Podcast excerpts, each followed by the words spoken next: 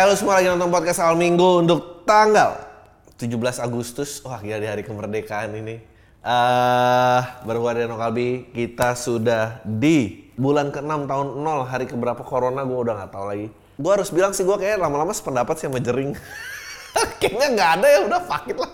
Lupain aja semua. Ya nggak tahu sih gue udah gue even udah nggak tahu lagi apa yang eh, harus diperjuangkan orang-orang yang bilang flatten the curve, flatten the curve juga udah nggak nyerah sama eh yang dia suarakan. Gua nggak tahu si siapa tuh Eh, jubir gugus covid. Nah itu gue gimana nasibnya.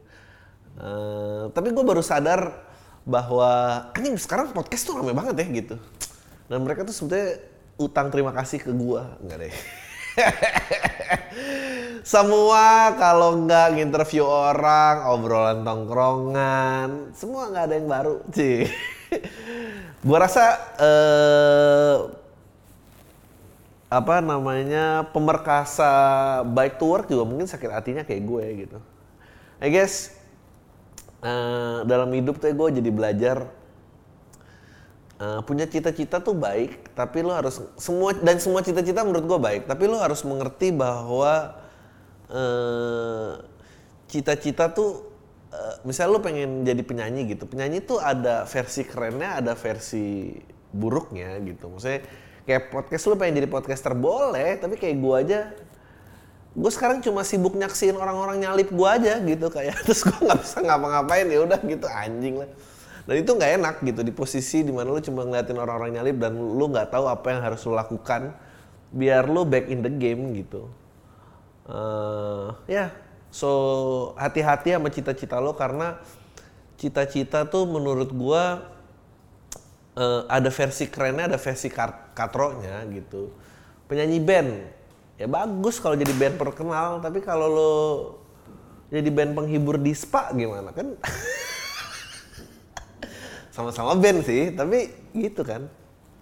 Bang Adri kok tahu ada band di spa? Gue juga nggak bisa jawab. Eh, Bang, tahan.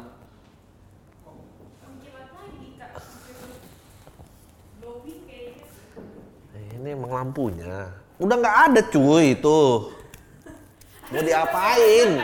Aman ya? Beda apa namanya powder gitu. Pakai ini ya, pakai foundation itu. Gak foundation, powder aja. Oh. Udah powder gitu. Oke, sip. Lanjut, kiprol. Em, ya, so hati-hati sama cita-cita lo. Eh, karena lo belum tentu dapat versi kerennya. Dan semua tuh ada versi kerennya loh. Maksudnya eh, kalau gue mau ngomong polisi, ntar, ntar gue dimarahin. Jangan polisi deh siapa yang nggak bisa nuntut gue ya kira-kira versinya. Lu kebayang polisi apa yang lain ya yang ada versi keren versi semua ya supir gitu. Lo kalau supirnya presiden keren. Tapi lo kalau ojol kan nggak keren. Semua ada gitunya. Eh, tukang pijet juga gitu. Eh, gembong narkoba juga gitu.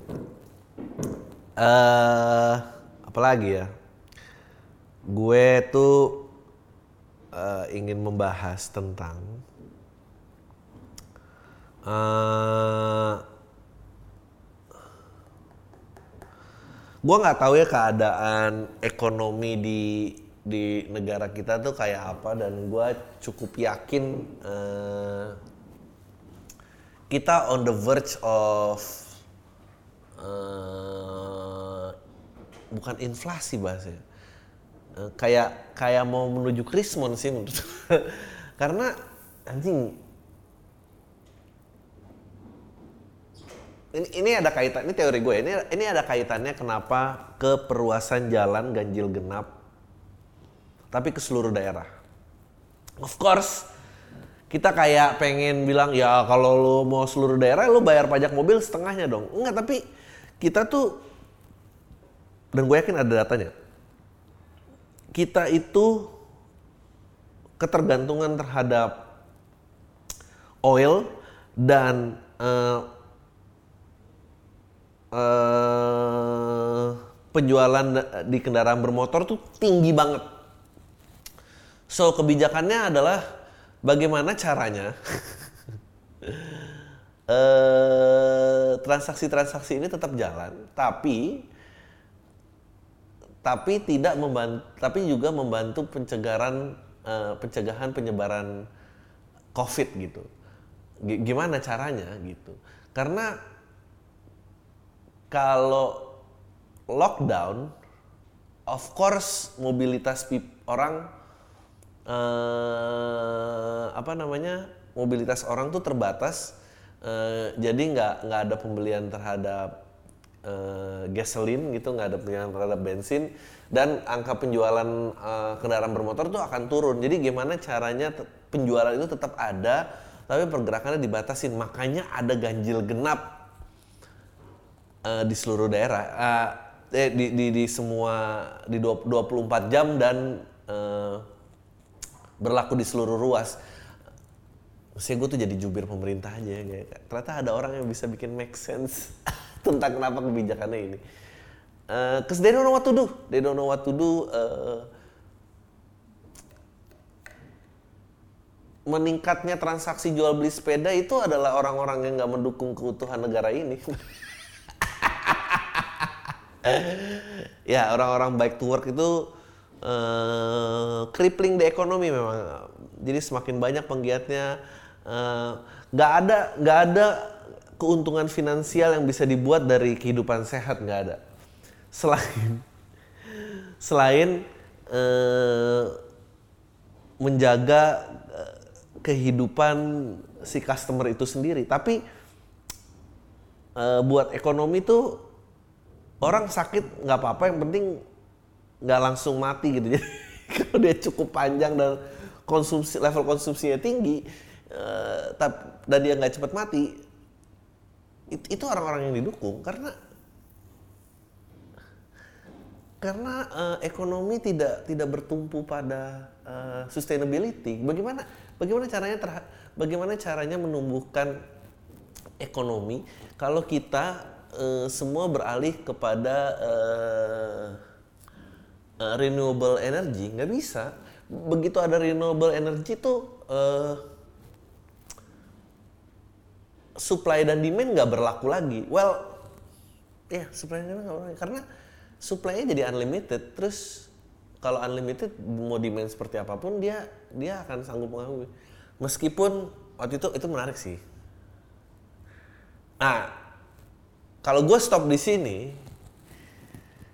ini bahan yang oke banget untuk menjadi konspirasi atau joke. Tapi dalam prakteknya memang joke atau konspirasi itu sengaja meninggalkan eh, setengah ke belakang. Kemarin gue ngobrol eh gue nonton apa ya? Batu bara kan anjlok. Nah oh batu bara anjlok oke? Tapinya adalah eh, kalau lu into the mechanics gitu makanya makanya jangan pernah bicara setengah-setengah lu akan kelihatan goblok. Kalau lu berhenti di situ ya tapi kayak batu bara batu bara anjlok. Tapi eh untuk menghasilkan tenaga listrik kos masih paling murahnya itu masih di batu bara. Lu butuh tanah yang jauh lebih luas untuk menghasilkan listrik misalnya dari solar panel gitu. Dan itu kosnya gede banget itu kosnya gede banget. Ya tapi kan batu bara akan habis satu sana ya well habis tapi mungkin kita masih aman lah kayak in in in 100 or 150 years gitu 200 tahun gitu.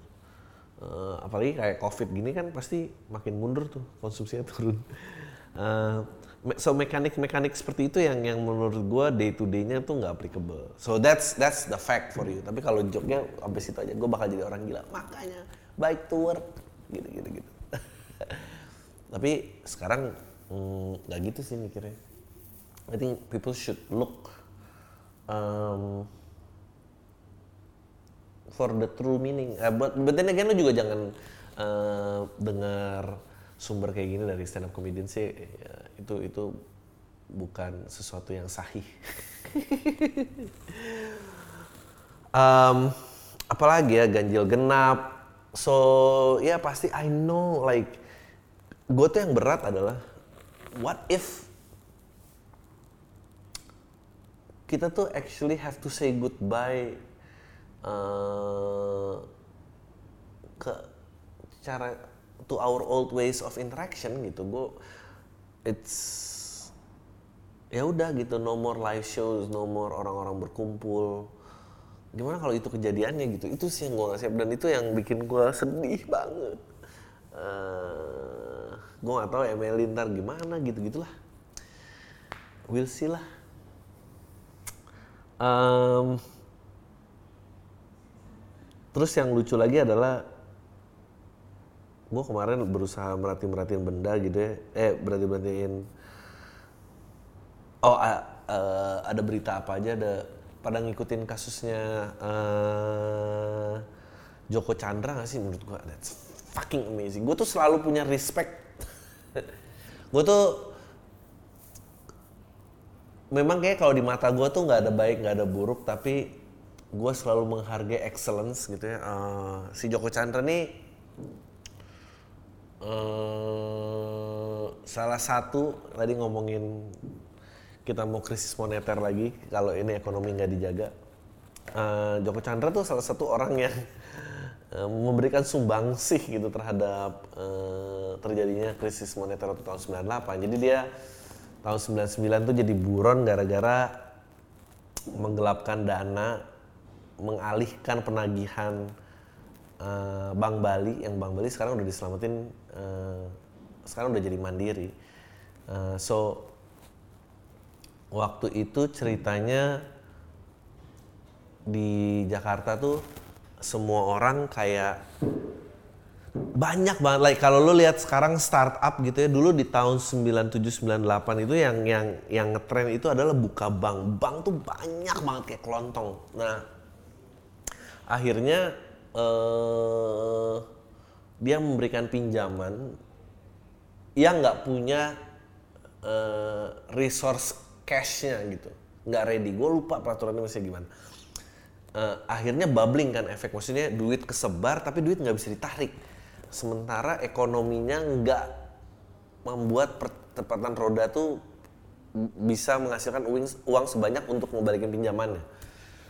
Bubbling Krismon langsung jabret bank-bank eh, ada yang disuruh merger ada yang diselamatin. Termasuk ya BCA dulu belum banknya sebesar sekarang Bank Mandiri itu gabungan dari beberapa bank. Nah, orang ini dia ngegelapin dana, pokoknya kerugian negaranya itu sebesar 500 miliar. Tapi dia kayak ngegelapinnya mungkin sekitar 900 miliar yang ditagihin kepada PT, PT bodong gitu nggak ada. Dan dia buron 11 tahun nggak bisa dicari dan gue tuh kayak, wow, how do you do it man? People people should write books, you know. Menurut gua eh, saran kepada eh, penjahat-penjahat kerah putih menurut untuk lo untuk lo nulis nge-publish buku dan cerita how to do the crime. How to do the crime, man. 900 M itu dan gua sal dan dan menurut gua eh, kan semua semua keadilan tuh kan nggak semua sih. Mungkin 99,9 persen. Eh, selalu butuh escape goat kan gitu. Saya sel- selalu butuh eh, kambing hitam gitu. Dan dan dan eh, butuh eh, figur orang untuk disalahkan. Menurut lu 900 m dia makan sendiri? Nggak mungkin men. The reason why he's hard to be captured karena dia juga pasti involve dia pasti melibatkan banyak orang yang ternyata nggak bisa semua orangnya untuk dikurung gitu sih. Kayak dulu Edi Tansil gitu ti- tiga setengah triliun tiga setengah triliun. Di- dikantongin sendirian nggak mungkin. There's no fucking way. Dia pasti like ah, dia kan nggak mungkin dong transfer ke ATM ngehack pindah-pindahin rekening. Anjing sekali transfer aja 12 mentok sehari 20 juta berarti berapa kali transfer di ATM dia nyuri akun orang sampai tiga setengah triliun anjrit lah. Lu hitung aja tuh dua katakanlah setiap transaksi 20 juta transfer itu eh, di ATM satu menit. Kali berapa untuk bisa jadi dua tiga setengah? Teh nggak mungkin. Dia kan pasti banyak orang. Nggak banyak orang nyebar di ATM dan semua ini nggak kayak gitu ya nggak ngehack kayak gitu. Tapi you know this guy 900 m pokoknya akhirnya ketangkep lah. Eh, 11 tahun yang lalu gitu dan I don't know gue gue tuh appreciate gue appreciate gue suka kreatif proses sih. Maksudnya da- dan orang-orang kayak gini nggak mungkin tidak bersalah gitu dia tahu. Oi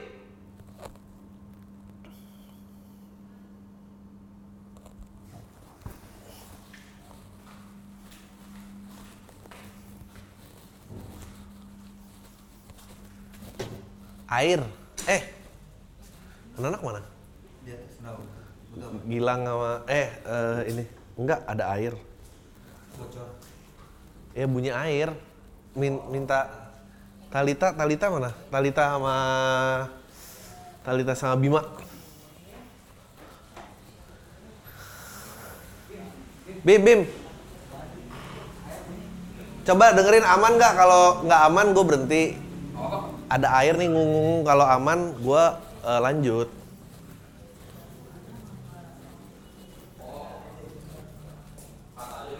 kata aja Lanjut bang. Iya, eh, orang-orang kerah putih tuh menurut gua kejahatannya tuh eh, zero accident menurut gua. It's not it's not like eh, kejahatan pidana. Kejahatan pidana tuh mungkin banget faktor accidentnya besar, faktor emosinya besar, tapi kalau penggelapan uang, it's a very calculated process. Dan dan tahu ya kita, gue tuh berharap kalau misalnya kita nggak bisa di- mereka nggak ada yang bikin bukunya mereka eh, eh, seni itu bisa ngangkat secara fiksi gitu. Tunggu bentar. Bim bim bim. Oh ya tutup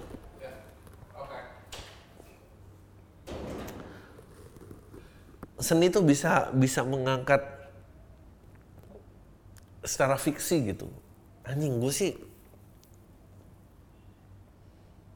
tapi of course kalau bikin film kayak gitu kan eh, nggak nasionalis ya mempermalu bangsa bla bla bla.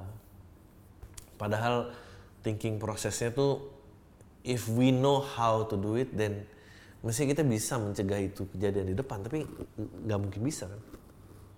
Um, ya.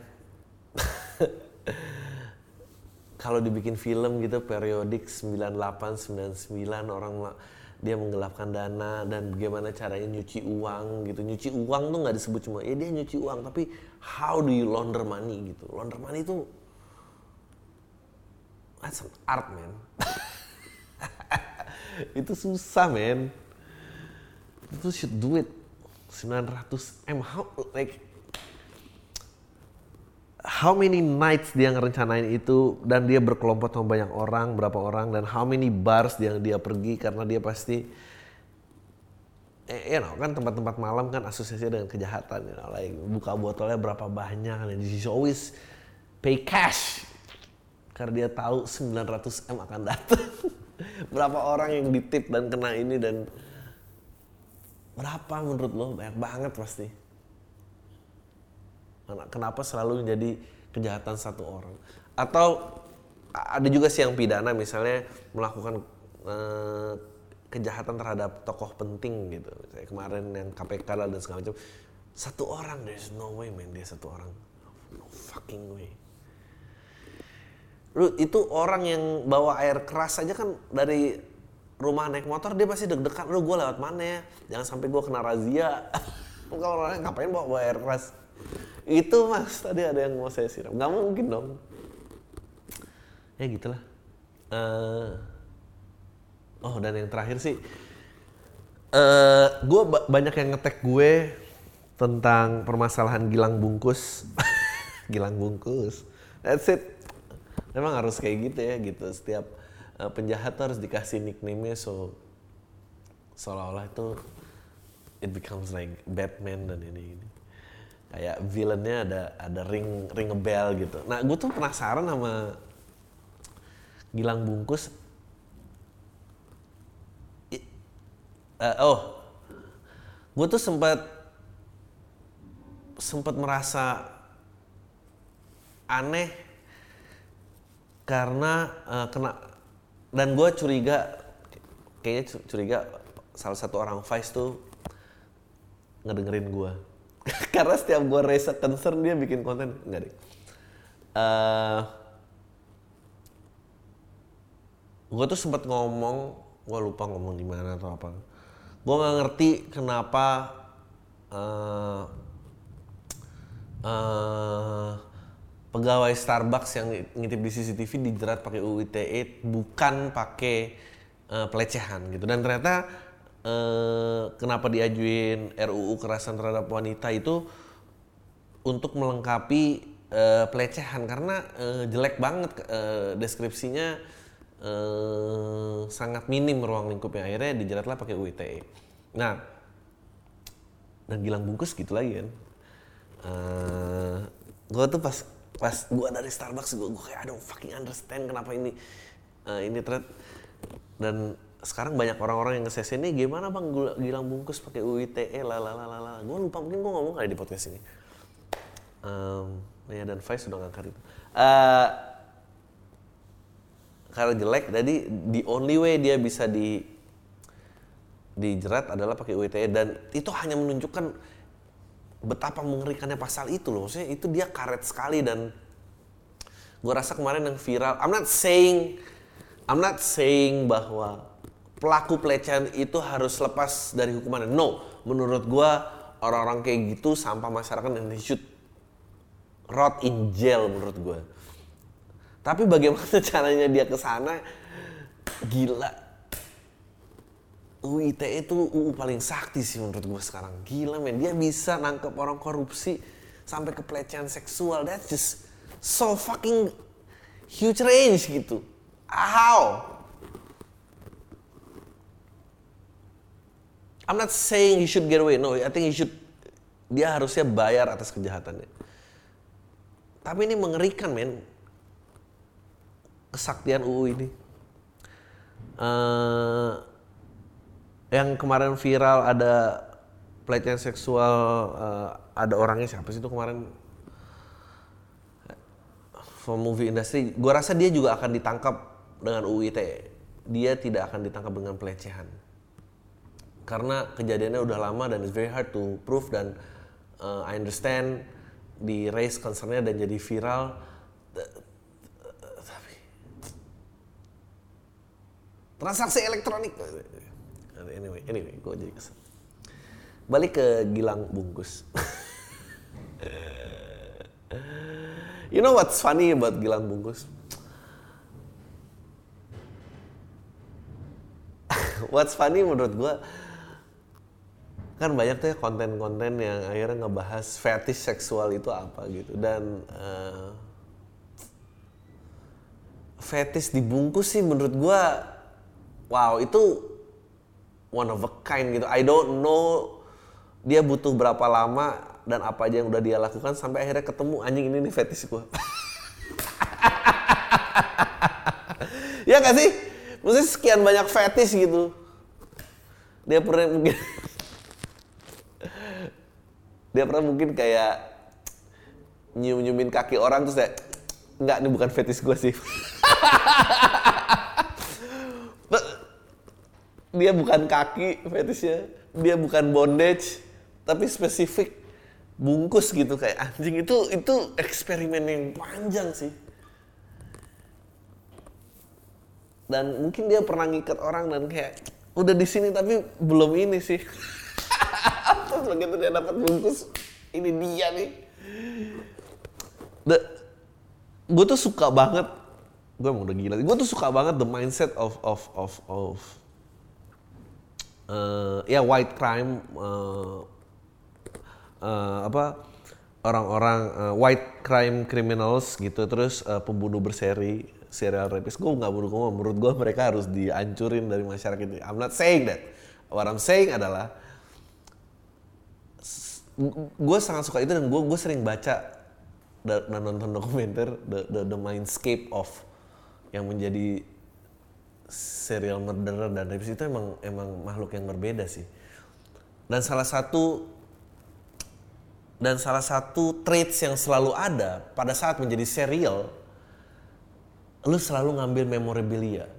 Um, if only dia bisa mengatasi urge-nya dia untuk mengambil memorabilia, Gilang mungkin nggak akan dibungkus. if only dia tuh, makanya jadi serial kriminal pun juga harus baca buku. Lu harus lihat saudara-saudara lu tuh ketangkap karena apa. gue jadi mentertawakan di ini sih. Emang gue nggak boleh bikin joke tentang itu boleh dong, gue nggak nambah korban nggak ini. By the way, uh, if you're offended dengan apa pun yang gue katakan, uh, lu baca tulisan gue di Jakarta Post. Kenapa sebetulnya free speech? Eh, but I, ya gue juga gue nggak ngerti sih kenapa kenapa memorabilia itu selalu penting. It's the same with um, apa namanya si siapa Reinhardt tuh dia juga memorabilia kan dia dia dia ngerekam kan kalau dia tidak punya itu dia is, is clean slate gue dulu seneng banget tuh ada seri ada series Dexter gitu. Dia juga pembunuh berseri yang diarahkan untuk membela keadilan dan dia cuma menghukum orang-orang yang pantas dihukum. Dia pun juga ketahuan gara-gara memorabilia. Dan semua memorabilia sekarang karena era digital tuh jadi eh, artistic value-nya berkurang itu karena semua pasti foto dan rekam ya.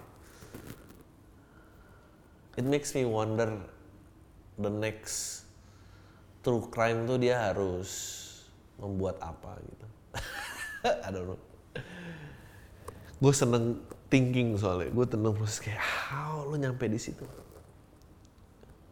Dibikin scene tuh lucu banget kalau bikin komedi. Dia jem, nyedot jempol kaki, bukan, bukan, bukan punya gue. Mungkin dia pernah jepit-jepit di ketek? Nope, bukan ini. Tapi diikat nih mendekati nih, tapi apa yang kurang ya? Oh kainnya ternyata gitu. Itu tuh dia berapa kali attempt tuh coba.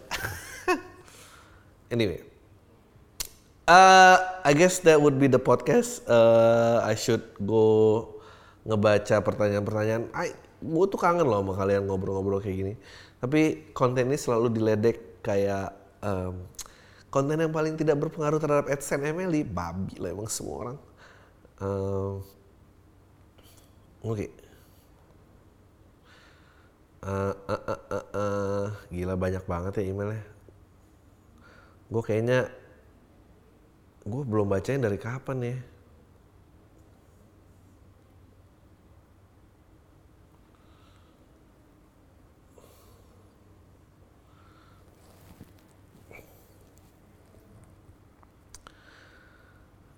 Mei, April. Oke, I'm just gonna answer it randomly sih menurut gue. Mana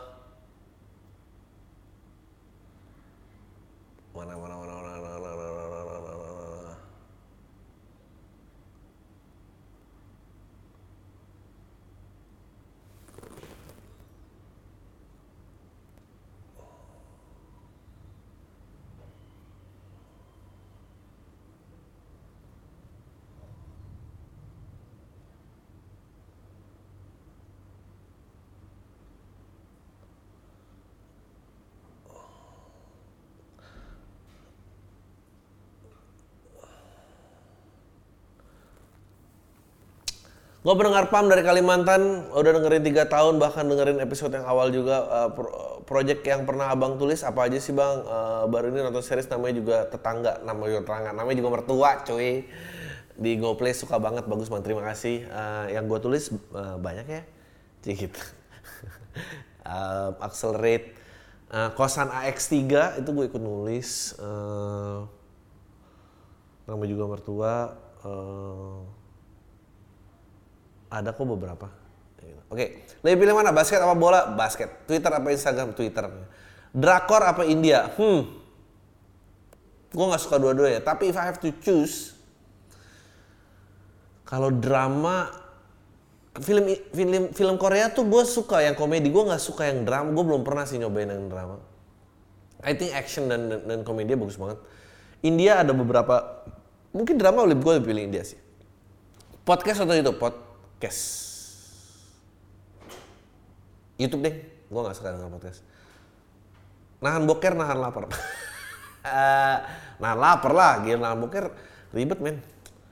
Eh, bisa teleportasi apa time travel? Hmm. Teleport gue. Time travel tuh tapi covid covid juga menarik sih time travel time travel deh tapi gua kayaknya hanya mau mundur ke belakang karena abis covid ke depan tuh gua rasa nggak ada yang perlu disaksiin. Lo kalau kalau ada time travel dari sini ke depan pasti cuma ada kerusuhan atau bunuh bunuhin orang. Nggak nggak usah. Mendingan mendingan ke belakang pas masa-masa lebih indah.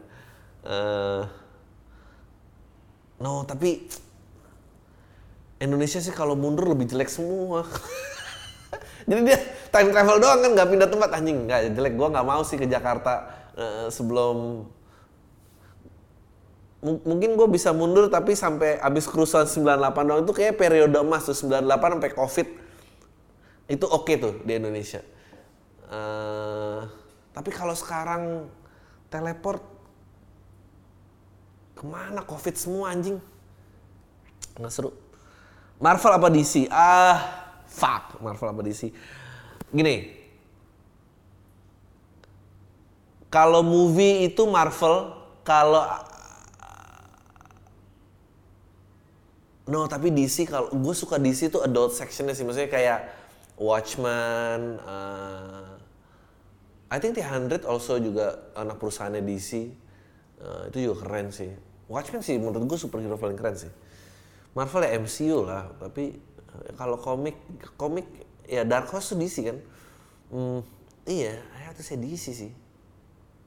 Ya nggak tahu lah jadi bintang film porno apa sinetron azab? Ya Allah ya porno lah. Eh enggak deh. Sinetron azab deh. Ay, ay, gua gua kayak nggak bisa sih main porno sih. Maksudnya apa pembicaraan eh, para bintang di di di di, di ruang makeup gitu? Oh, udah lama Mbak di sini kok main porno.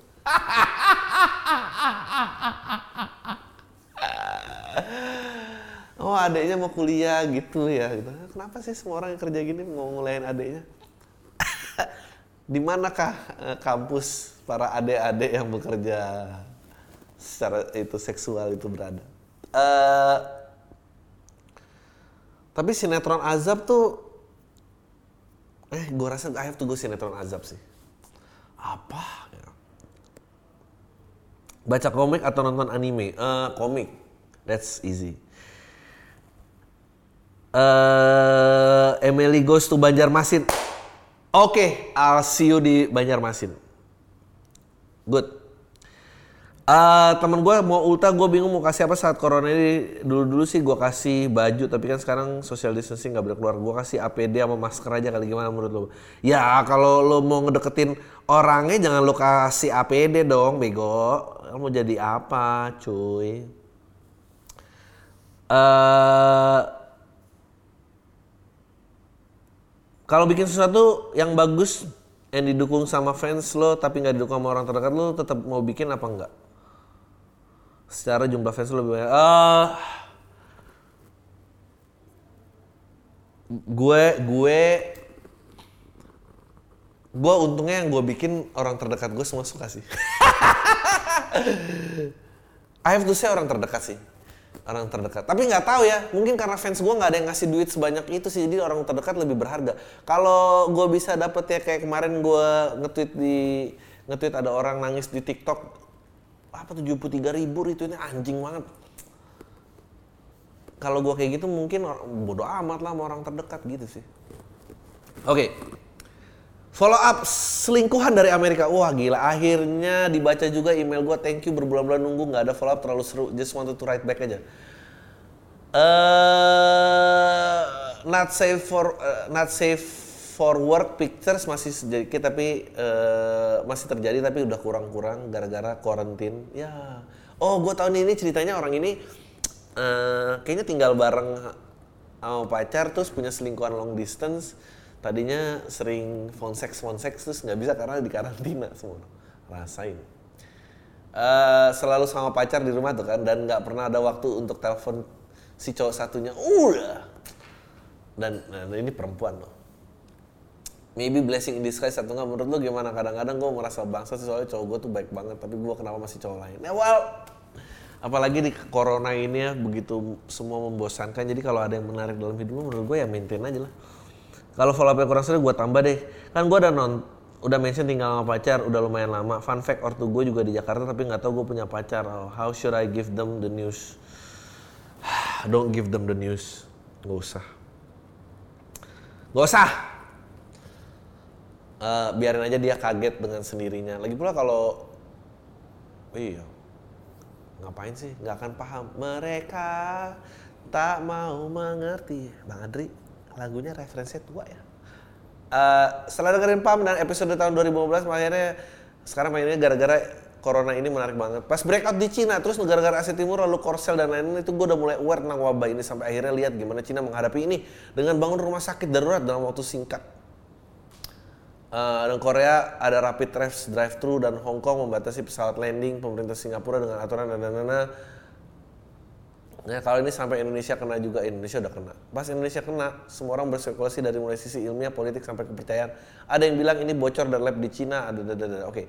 Tapi semua actually gue udah mikir kalau ini memang proses kehidupan manusia modern yang mungkin paling berat terkena dampak. Menurut gue ini paling cepat tiga bulan. Oh ini udah lama banget. Gue sih pandemi ini nggak akan menghabisi manusia di bumi. Cuma kalau bebel kayak di US mungkin sok-sok akhirnya ada oke. Menurut gua ini bumi lagi kayak semacam detox. Anda berarti eh, pro environment ya. Jadi ini kehendaknya bumi. Kalau gua sebetulnya pro karena kita terlalu banyak kebahagiaan palsu di sosmed. Eh, ini ini ini cara eh, ini azab yang diberikan dari atas biar berhenti mau nyebar-nyebarkan kebahagiaan yang bohong gitu dan dipaksa stay di rumah semua dan gak ada yang betah. Kalau gue spekulasi itu. Bagaimana menurut lo menghadapi spekulasi tentang kiamat dan corona ini? Menurut lo bakal berapa lama akan berlangsung? Eh, menurut gue lama.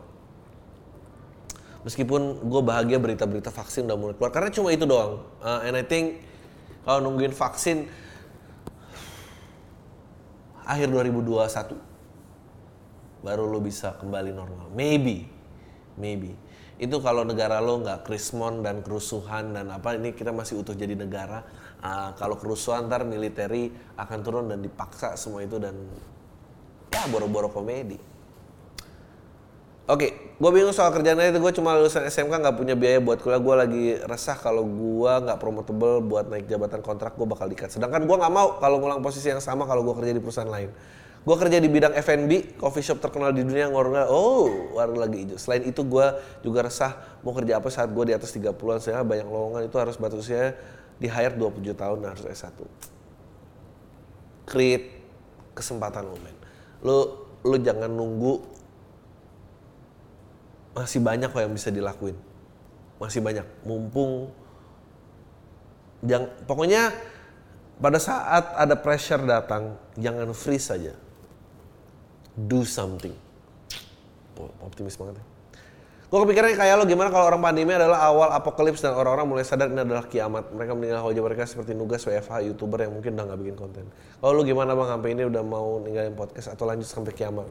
Podcast ini akan menjadi uh, acuan di mana uh, survival guide for humanity lah podcast ini. Gila loh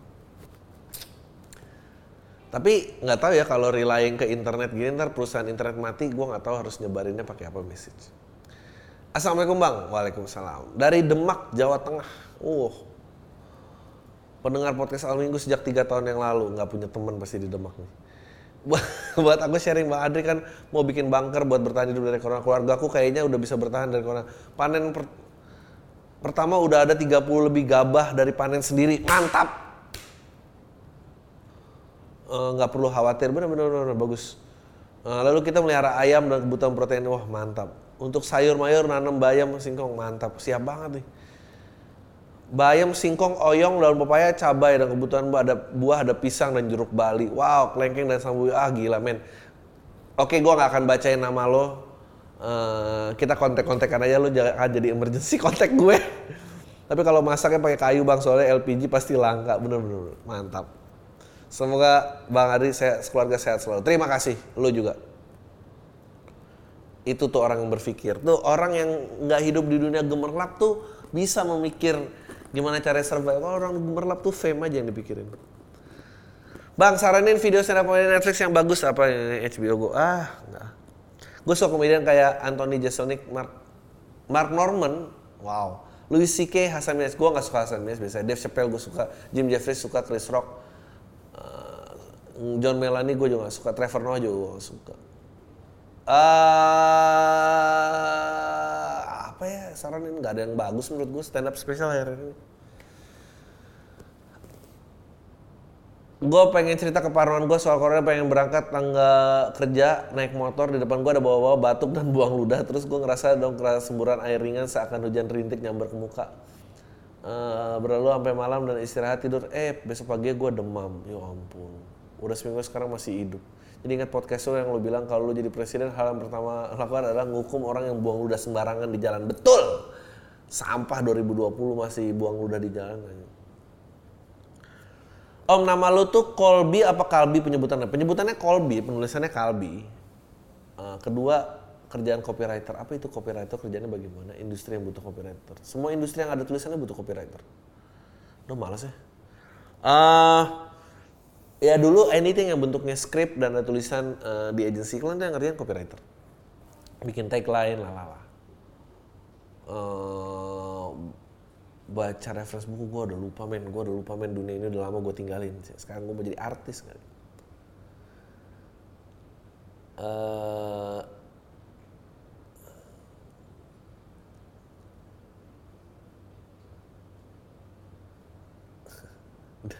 ada orang mau gabung di bunker gue anjing aneh banget ini udah berapa menit